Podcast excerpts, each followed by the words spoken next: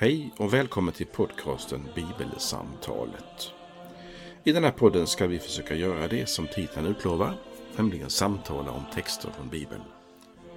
Vår tanke är att varje vecka dela ett samtal om den text från något av evangelierna i Nya Testamentet som är särskilt aktuell den kommande söndagen. Fokus är just samtalet. Kanske kan det inspirera fler till att samtala om bibeltexter. Välkommen att vara med i samtalet på något sätt. Vi som gör den här podden det är Fredrik Borglin, kommunister i Istorps pastorat och Karl Magnus Adrian, präst bland annat tidigare i just Istorps pastorat. Välkommen att vara med. Idag så ska vi eh, samtala lite grann, jag och Karl Magnus, om och utifrån en text i Matteus evangeliets 12 kapitel.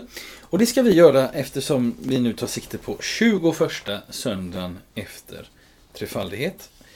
Som har överskriften Samhällsansvar. Och jag vill börja med att läsa ifrån Matteus 12, verserna 15 till 21. Många följde med Jesus och han botade alla och förbjöd dem strängt att avslöja vem han var. För att det som sagts genom profeten Jesaja skulle uppfyllas. Detta är min tjänare som jag har utvalt, den som jag älskar och som min själ har sin glädje i. Jag ska låta min ande komma över honom och han ska förkunna rätten för folken. Han ska inte träta och ropa och ingen ska höra hans röst på gatorna. Han ska inte bryta av det knäckta strået och släcka den tynande lågan, utan han ska en dag föra rätten till seger. Och hans namn ska ge folken hopp. Så lyder det heliga evangeliet. Lovad vare du Kristus. Kristus. Ja, det finns några söndagar i slutet av trefaldighetstiden som eh, mer, tycker jag, i alla fall om man tänker på deras överskrift, mera tar eh, sikte på livet här och nu. Eh, och, och, den värld vi lever i. Och det säger jag inte på varken ett positivt eller negativt sätt. Utan jag bara konstaterar att det finns några söndagar i trefaldighetstiden. Medmänniskan, att leva tillsammans och samhällsansvar. Och, eh, nu är inte detta ett, ett, samtal om söndagens tema utan om söndagens text. Mm. för det finns, en, det finns en risk att det blir mycket pålagor med, med medmänniska och leva tillsammans och samhällsvar. Det blir mycket gör så här, gör så här, gör så här. Men vi samtalar om evangelietexten. Sen får vi ju se var vi hamnar. Så att det mm -hmm. kanske kommer levereras massvis av pålagor från mig här. Men... Jag kan sticka in med en parentes. Gärna. När du nu drar in för att säga nästa mening. Mm. Eh, med tanke på det här intresset för sammanhang för texterna ja. som du är så bra på. Mm, kan man säga att du startar direkt med söndagens kontext. Mm. Den här söndagen finns i ett sammanhang. Ja. ja. Och det är väl väldigt bra. För mm. det orienterar ju både oss och den som mm. eventuellt lyssnar eh, på, ja, den som lyssnar på, på detta med att det finns eh, liksom en linje. Mm. Och jag minns det finns en, en serie andaktsböcker, två stycken som Bo Giertz har skrivit som du känner till. Den första heter Att tro på Kristus, som handlar om mm. första delen av, av mm. 20-året. Eh, och den andra heter Att leva med Kristus. Mm. Det är väldigt bra om man nu ska hitta grova begrepp eller ord eller överskrifter till mm. Att förstå hur söndagarna är tematiserade mm. i vår kyrka. Att leva, eller att tro och att leva. Ja, parentesen slut. Ja, tack så mycket. Och jag, då vill jag bara eh, rätta mig själv och säga att nu är det samhällsansvar idag. Förra söndagen var det att leva tillsammans. Men sen är det ytterligare en sju söndagar bakåt när medmänniskan kommer. Så de, de är inte riktigt sida vid sida. Mm. Men de finns här i liksom andra halvan av Och det är den 21 söndagen efter förfärlighet. Ja, där är vi nu. Ja, och inte 20. Nej. Nej, just det. Precis. Eh, och jag ska säga någonting om, tänkte jag, om sammanhanget. Och jag vill, jag vill egentligen bara säga en sak. För här i texten idag så stöter vi på någonting som är ganska typiskt för evangelisten Matteus. Mm -hmm. vi mhm. tänker på de fyra evangelisterna. De har sina ingångar eller sina, sin särskilda färg som de ritar med eller vad vi nu ska säga. De har lite olika ingångar på saker och ting. De berättar ibland om olika saker. Det är ju en olikhet dem emellan även om de också berättar mycket om samma saker. Eh, Men så har de liksom lite sina, precis som jag har mina sammanhang, så har de fyra evangelisterna sina favoriter. Mhm. Och en favorit hos Matteus dyker upp i vers 17 då det står så här. För att det som sagts genom profeten skulle uppfyllas. Just det. Det finns det. Och speciellt om man börjar läsa Matteus från början. Och, och så, först släkttavlan och sen så läser man om Jesu barndom och så hans allra, allra liksom tidigaste verksamma tid. Och där är det väldigt många sådana referenser till. För att det som sagts genom profeten. Och som det står då, profeten Jesaja eller profeten den och den skulle uppfyllas. Då kan jag sticka in med en parentes igen. Mm. Eh, en del bibelöversättningar, Mm. till exempel den som jag har framför mig, Mm. Där är citaten från Gamla Testamentet kursiverade. Ja. Eh, och då kan man se direkt att på nästan varje uppslag hos Matteus, Just det. ungefär, så är det något citat från Gamla Testamentet. Mm. Han, är ju, han skriver ju vad vi tror till en judekristen församling. Mm. Det är ju det kristna i alla fall. Som, Mm. Så att han har sikte på dem som, som, som alltså, har med Gamla Testamentet som en helig skrift. Mm. Så kan man väl säga kanske. Mm. Och det var egentligen det jag ville säga om sammanhanget. Ja. Eh, och tänkte nu att vi skulle kasta oss in i texten. Mm. Och då vill jag börja med, om jag får, eller vill du börja? Det tar du. Jag, jag har fastnat för ett begrepp idag som jag tycker är intressant. Och jag skulle vilja veta också vad du tänker om det. Det begreppet är rätten. Oh. Det står, det står om Jesus att han ska göra två saker i dagens text. Och det får vi ju till oss genom, eh, genom eh, Je- Jesaja-profetian. För det står så här. Eh, att Jesus ska förkunna rätten för folken. Mhm. Och så får vi också veta att Jesus en dag ska föra rätten till seger. Och då, då, då tänker jag så här. Jag anar ju lite vad man är ute efter. Men det är inte givet. Vi talar gärna om rättfärdighet till exempel. Och rättfärdig och så. Det var ju ett centralt, inte bara judiskt begrepp, eller är, utan också ett kristet begrepp. Och, eh, Matteus kan ju också kalla människor för rättfärdiga. Till exempel Jesu styvfar, Josef. Om honom står det att han var rättfärdig. Men det är inte riktigt det det talas om här. Utan nu ska Jesus förkunna rätten för folken. Det vill säga det verkar vara någonting som går utanför Mm. eh, det judiska sammanhanget. Eller utöver det judiska sammanhanget, det kanske är bättre att säga. Och så ska Jesus ändå föra rätten till seger. Mm. Vad tänker du om detta? Conny? Ja, eh, ja eh, jag backar bandet lite grann. Gärna. Och kommer strax in på den, på den frågan du ställde till mig. Eh, för när jag tittade igenom den här texten så såg jag ett mönster som jag tyckte var väldigt spännande. Mm. Eh, som handlar om också om att få, få grepp om texten. Mm.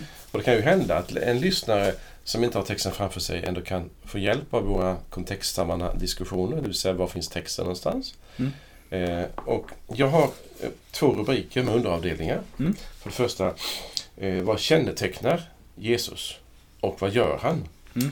Och då ska jag ta några ord som man lätt kommer ihåg, tror jag. Mm. Han är för det första tjänare. Han är utvald. Han är älskad. Eh, och han är andefylld. Och vad ska han göra? Jo, han ska sprida glädje. Han ska förkunna rätten. Han ska inte kiva och strida. Han ska inte knäcka strået. Mm. Han ska inte släcka den rykande veken. Han ska föra rätten till seger och han ger hopp. Mm. Alltså det är en, jag upptäckte det så komprimerat med Jesus. Det finns inte på ett annat ställe. Nej. Det är helt otroligt. Så vill du som lyssnar titta igenom det här stället i Bibeln eller i psalmboken, gör det. Så ska du se de här orden. Man kan skriva upp dem på ett papper, papperslapp. Jag, jag ser det framför mig nu, en liten lista. Och så tänker man, allt det här talar någonting om vem Jesus är Mm. och vad han ska göra.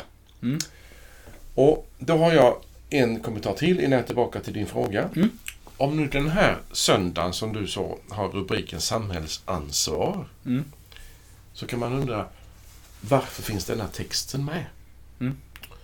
Mm. Och då gick mina tankar sen när jag försökte förstå den här texten och kommentera den att å ena sidan så berättar denna texten något om Jesus. Punkt. Mm. Alltså den lyfter upp vem Jesus är och vad han ska Mm. göra. Och han är en otrolig ska vi säga, vän till, det, till den svage, den lille, Mm. den som ingenting kan och som är som, ett, som en flämtande låga eller som ett strå som förstörs nästan. Han har en otrolig omsorg om det lilla. Det är den ena sidan. Och sen så ska han då göra någonting gott. Till exempel den här rätten som du sa. Och då tänker jag så här. Vad är kallelsen för oss som är lärjungar? Jo, det är att gå med Jesus. Och på något sätt, när jag liksom har lyssnat och blivit imponerade av honom tillräckligt länge, så kommer kallelsen till dig och mig. Och det är följ mig och bliv som jag. Mm. Alltså imitera Jesus. Mm. Jag vill ta en annan parallell till exakt samma sak. Och det är att när man läser berättelsen om den barmhärtige samariten, förlåt, Mm. den förlorade sonen, Mm. så kan man ju tycka att man är lik den sonen som är förlorad Mm. och är, förstör sitt liv och sen kommer tillbaka. Eller så tycker man att man är lik den här hemmavarande sonen som, som är lite sur och butter och Mm. besviken. Eh, Men tänk om kallelsen är att, att efterlikna fadern, alltså bli lik honom. Så att i den här texten, jag är tillbaka till texten igen, Mm. som handlar så mycket om Jesus, som vi ska prata om, Mm. så ligger det parallellt med det här, vid sidan om, ligger det detta är en kallelse till mig Mm. att bli lik Jesus. Mm. Så stort är det. Mm. Och då kan man först tänka, men det, det, alltså det, är för mycket, det är för mycket sagt. Minns att det finns ett armband som jag har sett hos en del folk, där så på engelska står det Vad skulle Jesus gjort? Mm. Eller någonting sånt. Just det. Jag tror det står så på engelska. WWJD va? What Okej. would Jesus do? Ja, precis. Ja. Mm. Och då är, då är tanken att om jag nu får vara hos honom som min frälsare, det är ju huvudsaken, för att följa honom, så ligger det en kallelse för mig att, ska vi säga, likna, imitera Jesus. Ta efter honom. Eh, Inte för att bli en lärjunge, för det är jag redan. Mm. Utan jag har fått ett mönster för mitt liv. Mm. Och då ska jag ta det snabbt. Om jag nu eh, tänker på mig och alla som lyssnar och du också Fredrik får tänka Mm. på dig. Så i, i min första kommentar. Jag ska är en tjänare, Mm. inte någon boss. Mm. Även om jag är chef så är jag en tjänare. Jag är utvald, jag är kallad av Gud. Mm. Jag är älskad. Jag är glädjens tjänare. Mm. Jag är fylld av Guds ande. Jag ska förkunna rätten, det vi kommer till strax. Mm. Jag ska inte kiva och, strik och skrika. Jag, du Fredrik, ska inte knäcka strået. Du ska omsorg om den lilla. Mm. Du ska inte släcka den rykande veken. Du ska föra rätten till seger. Du ska ge hopp åt folk. Mm. Det är också liksom ett mönster, ska jag säga. En hjälp för mig att få vägledning i mitt liv. Hur ska jag leva på ett bra sätt? Och då är Jesus inte bara min frälsare och min mästare, min herre, utan också den som jag vill likna. Mm. Som jag, jag har liksom någon vid min sida som hjälper mig att bli lik honom. Jag tror att det ligger en sån kallelse. Innan vi tar din fråga, eh, förstår du hur jag tänker? Vill du kommentera den här inledningen till din fråga? Alltså, att en text handlar om Jesus Mm. till 100 procent, eller hur? Mm. Mm. Mm. Och nu finns den i ett sammanhang på en söndag som Mm. heter samhällsansvar. Mm. Och inte bara därför, utan även när jag ser det här om Jesus så tänker jag, ja det handlar om honom. Men det handlar också om att jag får spegla mig i hurdan han är. Som en kallelse till mig att efterlikna Jesus. Det var bollen till dig. Är du med på det? Och då tänker du kanske? jag kan ge dig en, en till att eftersom du inte... Ja. Ja. och det är när, när Paulus i Filipperbrevet 2 tar upp det här. Så talar han om Jesus som tjänare. Mm. Som en nyckel till oss att Mm. bli likadana. Mm. Så att när man, när man lyfter upp Jesus som den han är, den unike, Mm. så är det också att lyfta upp här finns en ledstjärna för ditt liv. Mm. Här finns en som du får följa. Här finns en som du får imitera. Det tycker jag om nämligen. Ja. Vill se om du reagerar på det. Ja, ja, alltså jag... eh, Jag är benägen att hålla med. För jag, jag, tycker, jag, tycker om, jag tycker om det du säger. Ehm, om, vi, om vi då tänker att de här orden då är... Eh, nu har vi inte närmat oss vad rätten är, men dit, dit kommer vi sen. Ehm, för jag tänker så här, det, det finns lätt... Man pratar samhällsansvar och så och det du, det du lägger fram, det, upplever, det, det tolkar jag så här nu, Magnus. Här har vi en, en arbetsinstruktion. Det här är...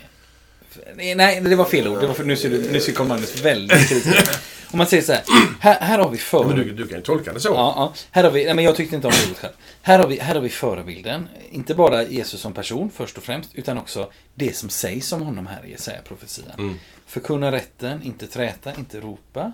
Eh, inte låta rösten höras på gatorna. Inte bryta av knäckta strån. Inte släcka tynande vekar eller lågor. Eh, föra ut rätten till seger. Eh, och så vidare. Och så är ju vi människor ganska olika. Eh, och skulle kunna tänka, ja, hur, hur gör man detta bäst? Är det att liksom, då skulle ju en person säga så här, eh, skulle ta fast, eh, skulle liksom ta fasta på liksom omsorgen om den lilla människan. Mm. Någon annan skulle, som är kanske mera aktivistiskt lagd, skulle mera Jobba för rätten. Jobba för rätten. Ja, precis. Alltså, du skulle säga att inte, inte ja. träta, inte ropa. Ja, men hur ska vi annars få till någon förändring då? Mm. Alltså, förstår du vad jag menar? Alltså, mm. det, det är också... Här finns, ju, här finns ju, tycker jag, i de här raderna en väldig maning till stillhet.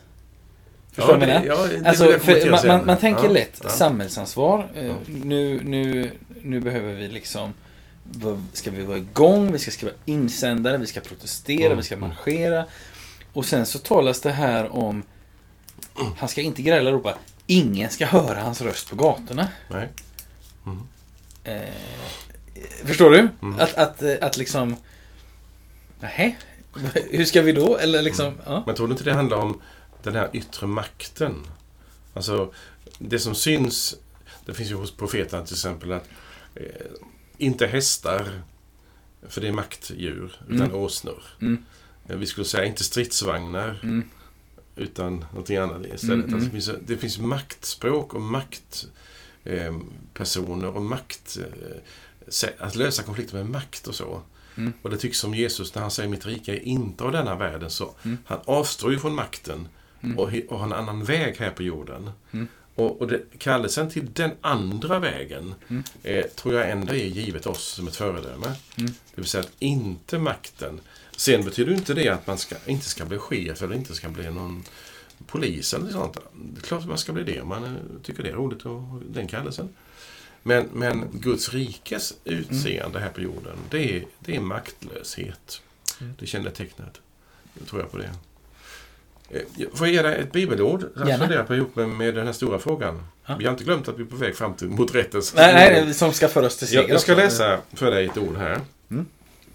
Eh, låt det sinnelag råda hos er som också fanns hos Kristus Jesus. Han ägde Guds gestalt men vakade inte över sin jämlikhet med Gud utan avstod från allt och antog en tjänares gestalt då han blev som en av oss. Det använder Paulus. Titta på Jesus som tjänare. Det sinnelaget ska vara hos er. Och då är det ju något så att säga när man då läser om Jesus, som vi håller på att göra idag, mm. de här starka orden, tjänare, mm. Eh, med mera, med mera, med mera utvald, älskad och så. Mm.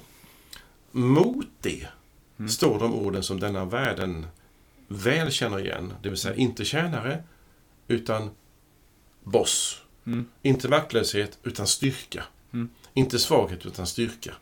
Alltså, vi vet precis hur man skulle göra. Och Tänk alla fantasier man har haft. att Tänk om man hade lite makt och kunde liksom utrota den och den sjukdomen, utrota den och den ondskan, mm. plocka ner den och den eh, diktatorn från... Mm. från tänk om man hade så makt. Och jag har sagt till dig ibland på skoj, att, men det är sant.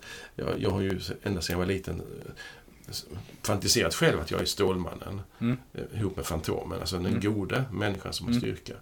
Eh, och någonting är väldigt tilltalande. Mm. Att tänka om han hade makt. Mm. Och så kommer Jesus och tar inte plats i ett semane och slår, slår ner de romerska vakterna som är där och den judiska tempelpolisen. Utan låter sig gripas och mm. dödas. Det är en väg som är fullständigt barock, helt, helt mm. galen väg ju. I, om man skulle mm. mäta med, med den här tidens sätt att mäta, mm. som vi lever i. Och då tror jag att det finns någonting här som, som Jesus är därför att han är frälsare. Han mm. visar oss, när Gud blir människa, så framträder Gud på följande sätt. Alltså när Gud blev människa, det vi pratade om i advent, så, så, Mm. så använde han en åsna för att rida in. Maktlöshet. Mm. När Gud blev människa så föds han i ett stall. Inte i en fin bädd i Rom. Nej. När Gud gör det så gör Gud det. Mm. Så händer det och det. Och det är den stora omvändelsen för en Mm. människa som börjar bekanta sig med kristen tro. Mm. Det är så annorlunda. Om, om Guds folk Israel står det Jag kallar det inte för att ni var många eller stora, utan Nej. ni var minst bland alla folk. Och Paulus säger, hur var det när ni kallades? Inte många var sådana. Inte många. Var förnäma Nej, eller visa eller... Nej. Alltså det är det lilla som på något vis eh, tas om hand. Gud gömmer sig bakom masken maktlöshet, Mm. ringighet och så. Eh, därför att Gud har en plan med det som vi kanske kommer till idag, Mm. om vi hinner så långt. Men också som ett tecken på det sinnelaget som finns hos Jesus. Det ska smitta av sig. Mm. Det är fint om det smittar Mm. av sig hos oss. Och jag tror, om jag får haka i det här du sa om att fantisera om att vara Stålmannen. Mm. För jag tänker att på något plan så har jag ska inte säga alla människor för jag känner inte alla människor. Men jag tror att många människor har liksom föreställt sig själva eh, i, i en situation, i en roll där de har mer inflytande än vad de har. Tänk om jag var så här rik, då skulle jag göra Precis. så eller så. Men jag, jag tror också att det kan vara mycket vardagligt det här till exempel. Åh, varför tryckte jag inte till eh, den där arbetskamraten som eh, på, på eh, medarbetarmötet. Just eller che, när chefen eh, stod och svamlade. Varför tryckte jag inte till? Eller du vet så här, ja, ja. Många, vi, vi är väldigt bra vi människor på att eh, eh, först så är vi med i en situation och efteråt så önskar vi att vi gjorde något annat. Alltså, och, då, och, jag skulle, och, och så har vi tio bra alternativ Ja, ja, till vad vi skulle sagt då för att liksom sätta oss över någon annan. Och det, det var ju kanske bra att vi inte gjorde det. Och det, och om, om det, och det får ju, det, här, det kan inte jag säga att, för det, jag och säkert andra människor har ibland eh, borde ha sagt något annat än vad vi sa. Ibland borde vi vara mer tydliga, ibland borde vi vara mer omsorgsfulla Mm. eh, och så vidare. Men det som gör detta så värdefullt och viktigt, det är som du började med för, för länge sedan nu i vårt samtal. Mm. Om rätten. Därför Ja. att eh, hur kan man så att säga både stå för rätten och bekämpa orätten Mm. utan våld, utan Mm. makt? Mm. Och det är ju ett sånt gigantiskt problem så att det kan ju, jag, vågar säga till dig och mig, det kan ju inte vi lösa. Nej. Och vi, jag vill ta ett exempel strax eller nu Mm. om, om hur man har olika tider tänkt på detta och sett på det här Ja. med den yttre makten just i orättens Mm. sammanhang. Mm. Alltså när, när staten, när samhället, när någonting är mycket ont, då är det fel att inte ta upp kampen. Mm. Och då kommer min fråga ju, hur ska man göra det? Mm. Utan att bli den som dömer Mm. och straffar. Mm. För det, vad jag förstår det är det två stycken ord som, man inte får använda, som inte finns med i Guds rike. Och det är att döma och Mm. att straffa. Mm. Men, men rätten att markera mot det som är ont. Mm. Man kan inte vara neutral mot det onda. Mm. Och, och det har vi talat om tidigare. Att om man, Ja. om man älskar så måste man också gå emot det som skadar den jag älskar. Ju, Mm. Eller hur? Och då är jag inte neutral. Jag går emot det som är ont. Mm. Eh, och då är ju rätten på ett... Jag ska inte säga att jag, det, att jag kan förklara det eh, med tanke på din fråga på ett, på ett bibliskt sätt i, i betydelsen att jag kan förklara vad rätten bety, vad det betyder på grekiska, överförd bemärkelse. Vad Mm. betyder rätten där?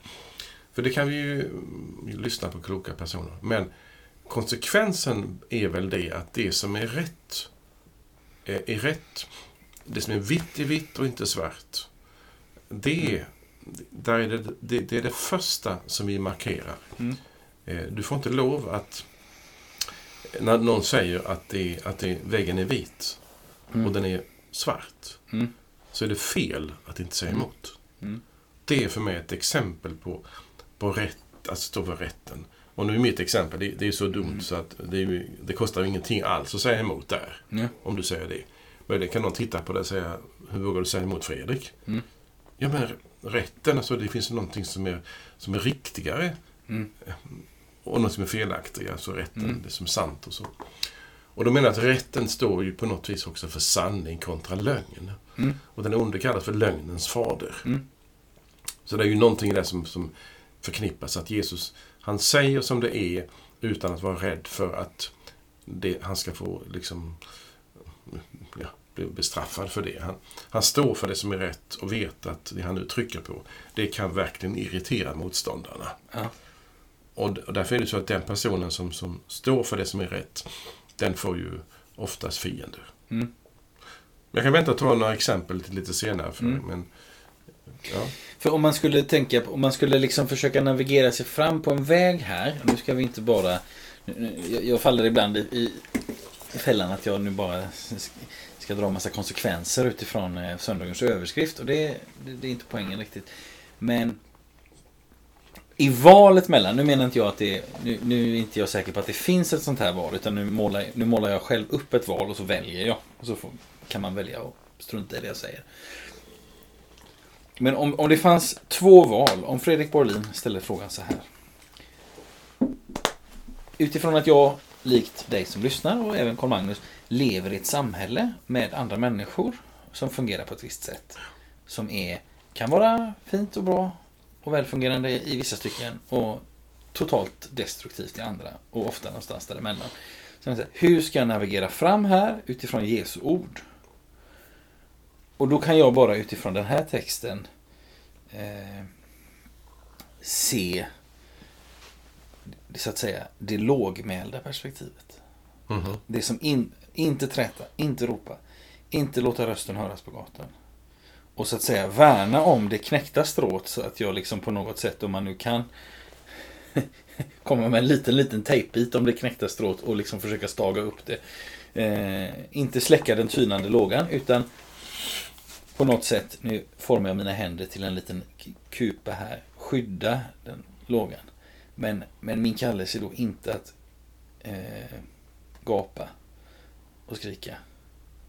Eh, det vill säga Jesus talar om knäckta strån och tynande lågor. Inte om, och att han ska föra rätten till seger. Inte att så att säga tonen ska bli höga och murarna blir tjocka. Utan eh, när jag läser detta så, så är det väldigt mycket eh, omsorg i stillhet. Mm. Men, ska jag säga, det säger jag utifrån mitt perspektiv. Eh, som till exempel boendes i Sverige. Eh, och eh, Vilket innebär en verklighet. Och en människa kan vara i, i länder där eh, och i sammanhang som är helt annorlunda såklart. Ja. Eh, Men om, om man tänker först det rent privata i detta. Det vill säga hur, hur ska jag, uttryckt slarvigt, hur ska jag behandla människor? Mm. Jag tycker inte om det ordet. Men hur ska jag möta människor? Mm. Då tycker jag det finns i, i texten här en, en viktig hjälp. Och det är Mm. att, att se det här strået som nästan är knäckt. Mm. Att se den här vekan som nästan håller på att eh, vad heter det, blåsa ut. Mm. Ja, för tyna ut. Mm. Eh, och jag, när du gör de här eh, händerna som vårdar någonting ömt så tänker jag på när våra barn har så att säga, kanske tagit en fågelunge som har ramlat från boet. Mm. Då håller man den väldigt försiktigt. Man Mm. vet, man, det ser så otroligt litet ut. Eller? Alltså den omsorgen om, om, den, om individen Mm. tror jag man är kallad till. Mm. På det privata området nu. Mm. Eh, och nu talar jag inte om, om politiska saker och, och tyranner och sånt där i tillvaron. Utan nu pratar jag om det privata. Mm. Eh, att, att se på varandra på det sättet. Mm. Att upptäcka den lilla människan. Mm. Men då finns det någonting som stör detta. Och det är, jag har blick för det stora. Jag har blick för det häftiga. Mm. Jag har blick för att förverkliga någonting. Mm. Och då kör jag som en, som en galen. Liksom, Mm. Och mejar ner allt som är litet. Mm. Det är ju någonting sånt som, som premieras på delvis i vårt samhälle. Men samtidigt, när man ser en människa som tar den här Moder Teresa som, som ligger där på knä nä, nästan på, i Calcutta vid någon rännsten och tar hand om ett litet barn som ligger där så tänker man Åh, så fint! Har du sett bilden på när hon håller barnet i sin famn? Så fin hon är. Mm. Alltså å ena sidan vill, vill människor, tror jag i allmänhet, om jag får uttrycka mig så, eh, de tycker det är väldigt fint att ta hand om det lilla och svaga. Mm. Å andra sidan vill man, jag säger man nu, Mm. eh, satsa på det som är stort och framgångsrikt och mycket, alltså hög lön och sommarstuga och ungdom och, och, och se snygg ut också. Mm. Det är liksom, det, det, då är det bra. Ja. Men, men när det är tvärtom då? Mm.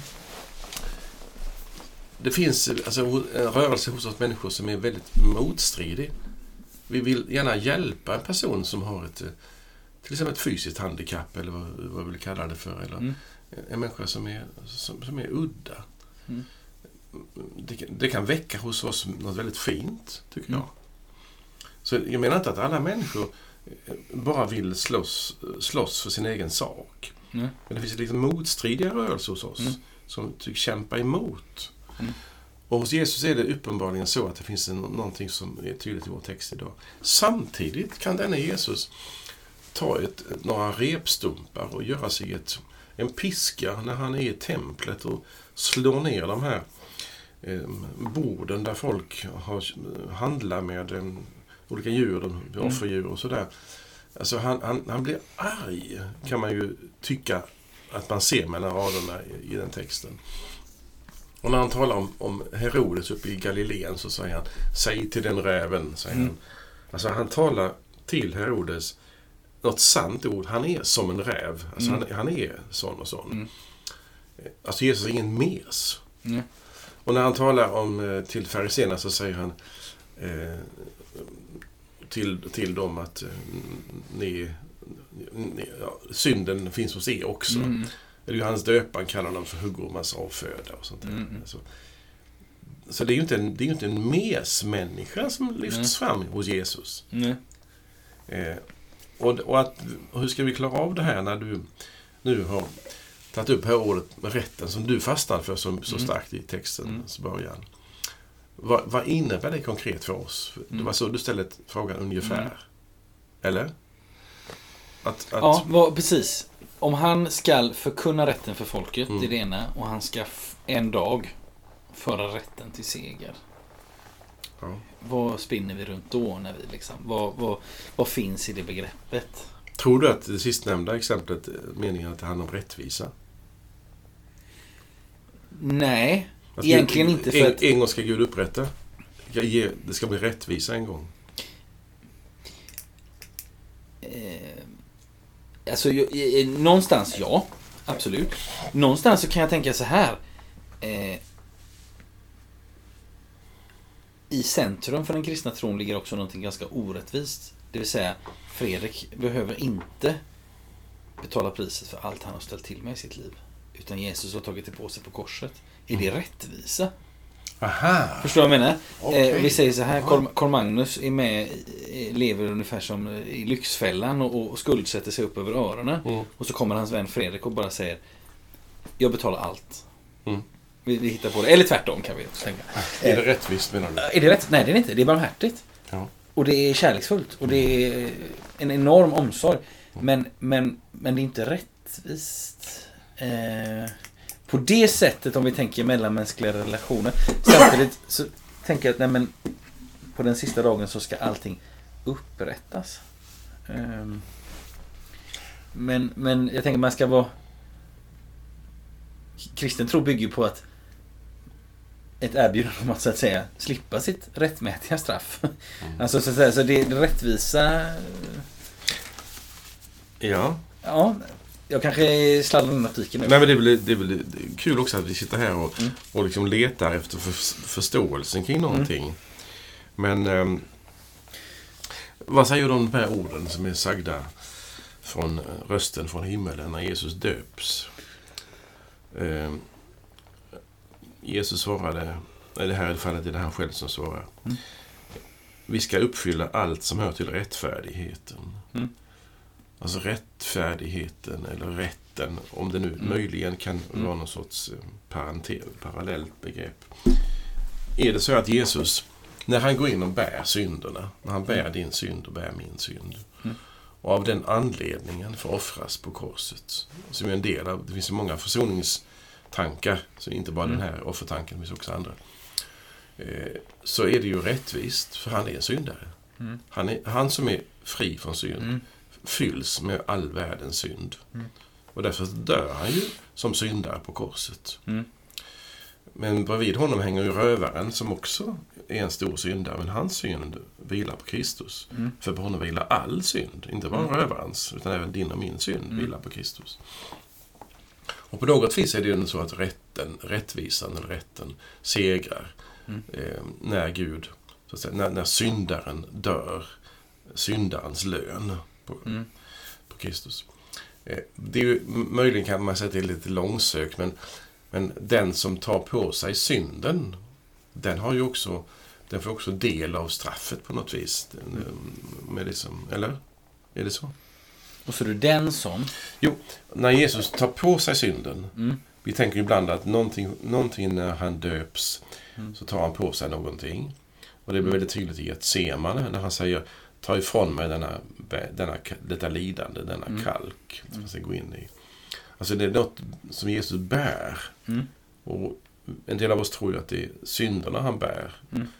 Inte bara hans egen kroppsliga smärta, utan han bär någonting väldigt stort. Mm. Om man bär synden och dör av den anledningen, Mm. då, gör, då är ju någonting som... Då, då har ju synden fått sitt straff. Mm. Förstår du? Om man tar Mm. strafftanken nu. Det är ju fyrkantigt, men det, ändå, Mm. det finns också antydningar i bibeltexter. Så, är det, så har ju liksom rätten, det är ju, det är ju rätt Mm. att syndaren får ta sitt straff. Mm. Och den som då är med Kristus, den får veta du, dina synder är redan Mm. på Kristus. De vilar inte på dig. Så din skuld är avskriven genom att han har tagit den på sig. Och det är något stort att han som är syndfri bär synden och går in och blir ett med synden. Mm. Så skriver också Paulus i Andra Korinthierbrevet 5. Och hur får man ihop det med rätten då? Jag jag kan ju tänka, eftersom både du och jag tycker det här är svårt, Mm. för det gör vi verkligen, Mm, mm. så kan jag ge dig en, en, en fundering. Det är inget svar.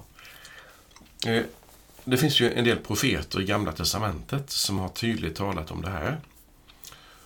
Eh, ett exempel det är profeten Amos. Det är en tämligen lättöverskådlig bok att läsa. Mm. Det är inte jättemånga kapitel. Eh, den är ganska tuff. Mm. Eh, Det börjar med att Gud eh, berättar, eller Amos berättar från Gud för, för de som lyssnar om hur folken runt omkring Israel har förbrutit sig. Det folket har gjort det onda, det folket har gjort det onda. Och då han, han tar upp hemska saker som de har gjort. Fruktansvärda krigs... heter det, brott, kan man säga. Och så sitter liksom Israel i mitten där och tänker, ja men vi klarar oss i alla fall. Och så säger Amos, ah, du har också förbrutit dig.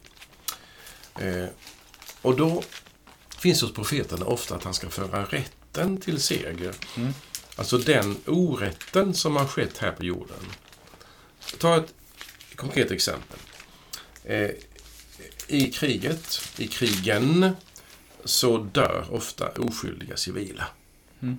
Och det har vi sett bilder på. Mm. Eh, hur ska de få upprättelse?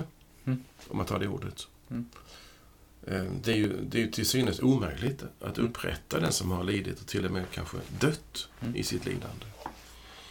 Då tror jag att det finns en, en, en ev, i evigheten finns en rättvisa Mm. som, mot, som, går, som är motsatsen till orätten här på jorden. Mm. Eh, och jag har en bild som jag har, det här är som jag säger nu, det är, det är en påhittad tolkning. Som det får Mm. ni gärna vara tveksam till om ni vill. Det är en historia som ser ut så här. Eh, vi kommer in i himmelen genom, genom dörröppningen. Eh, Och jag står där och du kanske är vid min sida, Fredrik. Och så ser vi eh, bredvid oss så kommer det en, en kvinna eh, som vi såg på bild från krigen i Jugoslavien för länge sedan när du Mm. knappt var född. Mm. Som en fruktansvärd bild på hur hon pinades och till slut avrättades. Och så ser vi henne komma in bredvid oss Mm. till himmelen. Då tror jag att godheten som, som finns i himmelen, då, då säger du och jag så här eh, om kvinnan och till henne. Går du långt fram, sätt dig ända fram hos Jesus. Så, så, så leder vi fram henne. Mm. Och så tänker vi, hon ska få, hon ska få liksom upprättelse. Mm.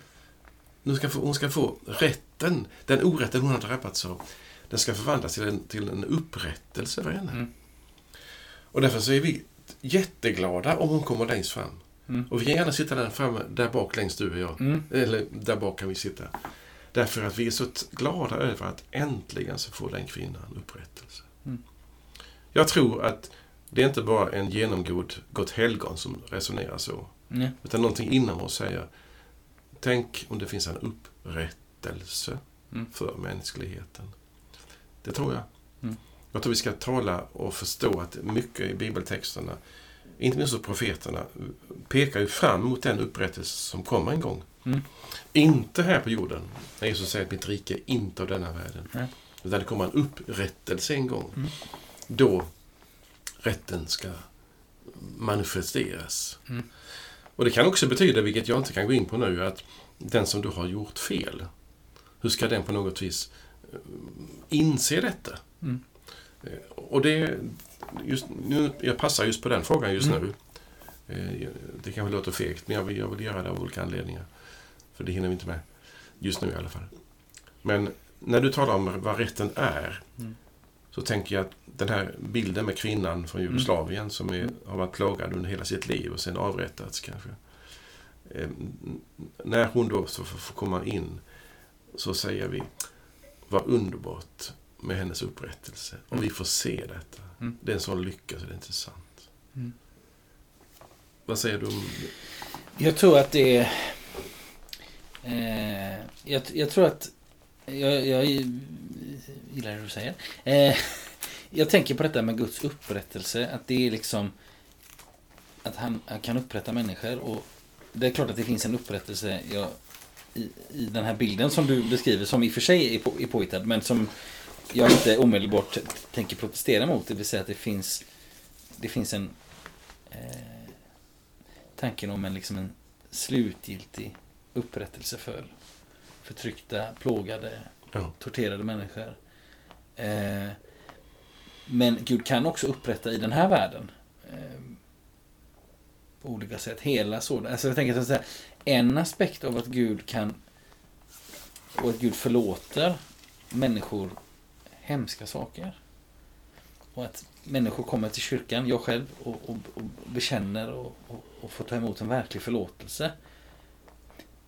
Då kan det ibland, för, då kan det ibland tycker jag, verka som, det kan framstå kanske för en människa som inte mm, har funnits med i, som inte alls är kristen eller tycker, eller funnits med i det sammanhanget tidigare. Det kan låta som, jaha Gud förlåter och förlåter. Och då kan det låta som att Gud är väldigt överseende, ungefär som att ja, ja, Mm. Magnus, men det där som du drabbades av, det var inte så farligt. Eh, nu, nu går vi vidare. Och det, det, är inte alls, det är inte alls grejen med Guds förlåtelse.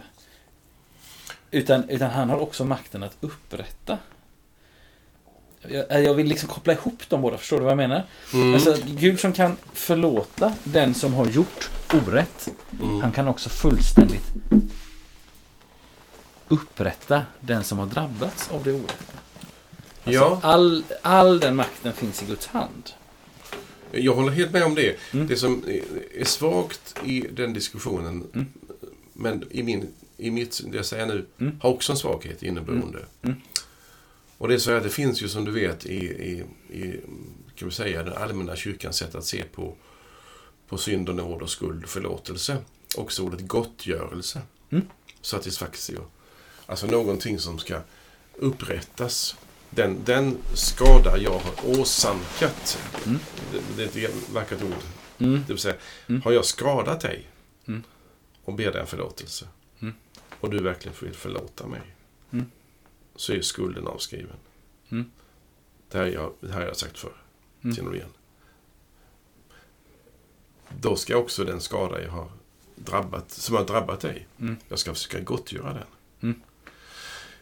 Mm. Eh, Det här, har, det här är, mm, har, har, jag fa- fastnat inför när jag har funderat på det här med, med den slarviga förlåtelsen och den slarviga skuldavskrivningen. Mm. Eh, Så finns det någonting där. Ponera nu så här.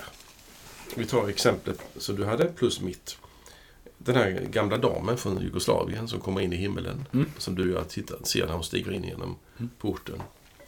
Tänk då om intill oss så står den här eh, soldaten eller den här militären som hade gjort det här mot henne. Mm. Eh, Och han är förlåten. Han Mm. är, i Kristus har tagit hans synd på sig. Mm. Så han är också med där i skaran. Jag tror att han är väldigt mån om att försöka reparera, upprätta Mm. det som har hänt. Och det här finns med i, när, när vår katesutveckling från 1878 talar om vad som kännetecknar ångern och förlåtelsen, så är det att man vill bli kvitt synden. Inte bara säga förlåt, utan man vill bli kvitt den. Man vill liksom ha den ogjord. Man vill reparera skadan. Där finns det någonting i, i det här som vi håller på att tala om, du och jag. Där vi kan säga så här som du sa ungefär att vi kan liksom inte slarva med ja, Gud har förlåtit mig och Gud har förlåtit den. Så att det, Mm. det, men, men det som har hänt då? Och då säger du ungefär så här, ja men Gud upprättar den som är illa behandlad, som är felbehandlad, när kvinnan blir upprättad där i himmelen. Mm. Ja, men han eller hon som har åsamkat henne skadan då? Mm. Ska, ska han eller hon inte göra någonting? Då säger vi på ett vis, nej, all skuld har Kristus avskrivit, han har burit den på sig. Men det finns någonting som i Jesu undervisning också eh, kommer fram, där jag har ett ansvar för mina handlingar och om jag kan så vill jag också gottgöra min skada, den skada jag åsamkat. Mm. Och då kan jag inte hålla på igen och igen och igen Mm. och hamna i, i den och den synden och de och de problemen, de och de sättet att misshandla människor. Mm. Utan, ja men, har det inte hänt någonting med mitt sinne då? Är jag inte, är jag inte förändrad så att jag Mm. Vill det rätta vill gottgöra? Mm. Eller? Nej, för annars blir det ju bara en ansvarsflykt. Ja, Det var bra ord, tack. Eh, Annars blir det en ansvarsflykt. eh, vill jag göra upp med detta eller vill jag ha en anledning att fortsätta? Ja, det är bra. Jag tänker på detta med, nu ska vi gå in för landning här.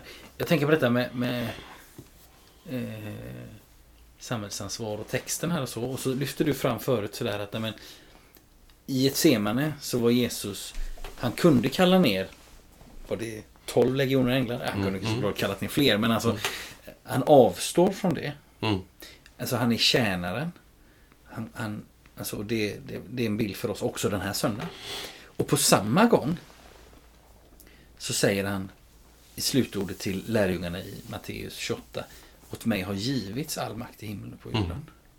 Därför kan det, tror jag, inte vara Fredrik och Carl-Magnus uppgift. Alltså vad, vad kan vara våran uppgift då utifrån det som vi har talat om? Du får hålla med eller inte. Eh, det vill säga eh, tjänandegestalten Mm. ska vi försöka efterlikna. I vetskap om att Jesus har redan all makt i himmel. Vi behöver alltså inte gå ut och gapa och skrika om ett kristet samhälle. Mm. Jesus har redan all makt. Han får inte mer makt om, om, om eh, vi gapar efter några samhällsförändringar. Alltså förstår du vad jag menar? Utan han har redan all makt. Och det, Mm. i, utifrån det kan jag i all stillhet leva i hans efterföljd. Ja, men det som du har själv sagt innan, att det är ju så mycket orätt Mm. som vi inte vill ska fortsätta. Mm. Eh, och, då finns det många exempel i kyrkans historia och i den vanliga mänskliga historien Mm. där människor har gått emot eh, den rådande ordningen eller den Mm. orätten. Får betala högt pris och kanske till och med ta till våld. Det fanns kristna som var med och bejakade attentatet mot Hitler i juli 1944, för att ta ett exempel. Mm. I eh, den fredliga motrörelsen mot eh, Östtysklands regim på 80-talets slut, 1980-talets slut. De hade som slogan från, Mik, från profeten Mikas bok att göra om svärd till plogar, Mm. plogbillar. Så hade de en bild för detta. Eh, och där var det ju en kamp som märkligt nog var ganska oblodig i, i Tyskland Mm. innan enandet skedde och så. Men det finns många exempel på där, där man har stått inför frågan, ska jag med våld agera mot Mm. den, den ordningen som, som, är, som är rådande och så. Och där vill jag säga, vilket jag tycker mig höra dig också säga, där kan ju inte vi gå omkring och, liksom säga hur man ska göra. Nej, nej. Och Dietrich Bonhoeffer, som är en av de här kända personerna från Tyskland från 30-talet och 40-talet. Han står inför den otroliga kampen. Ska han bejaka eller inte bejaka motståndet mot Hitler som ett konkret motstånd, inte bara passivt? Och då förstår man att en eftervärld kan inte döma honom. Jag kan inte, jag kan inte döma detta. Eh, och därför så är det troende människor som, får, som tar olika beslut just med tanke på den rådande orätten. Mm. Men principen menar jag måste ändå, ändå vara det att inte tolerera orätten, var den än finns. Mm. Om den finns i mitt eget hjärta, i min egen närhet, eller den finns långt, långt härifrån. Mm. Men jag ska börja med mig själv. Mm. Jag ska inte tolerera min egen ondska, min egen dumhet. Nej. Jag får börja där. Men, men är det så att du och jag är goda vänner och kommer mötas så vill jag också eh, hoppas att en, i en vänskap finns också ett hjälp, att hjälpa varandra Mm. med det som är ont och felaktigt. Mm. Att stå för det som är rätt. Mm. Så här gör man inte. Man säger inte så. Och så vidare. Ja, man kan säga att Jesus talar, eller rättare sagt profeten Jesaja talar om Jesus eh, och profeterar om Jesus i texten idag. Om hur ska vi göra med den tynande lågan? Hur ska vi göra med det knäckta strået? Han kommenterar inte hur vi ska göra med det, så att säga, det största och tjockaste strået på sädesåkern. Mm. Eller hur vi ska göra med den flammande elden, om man säger. Alltså, om man tänker att det lilla strået är den sargade människan. Just så, det. Så säga. Och han, han vill rikta vårt fokus mot dem. Det var Men han säger ingenting om de andra stråna. Just i detta sammanhanget. Tack för det. Ja. Tack för det. Utifrån, man kan säga så här, utifrån, utifrån om vi tänker att det är ett slutord så kan ju samtalet fortsätta. Men det, det gör det nu, eh, kommer det inte göra just i detta avsnitt i alla fall. Eh, För nu gick jag in för en sån här lite akutladdning här med klockan. Ja, det blir ett semikolon, det blir ingen punkt Nej, det idag. blir inte det. Nej. Nej. Men, men om du har lyssnat eh, till oss så vill vi tacka för det. Och, eh, låt gärna samtalet, du som lyssnar, låt gärna samtalet fortsätta om du har möjlighet. Det, det hoppas jag att du har. Eh, tills vi hörs igen så önskar vi dig allt gott och Guds välsignelse. Hej då. Hej då.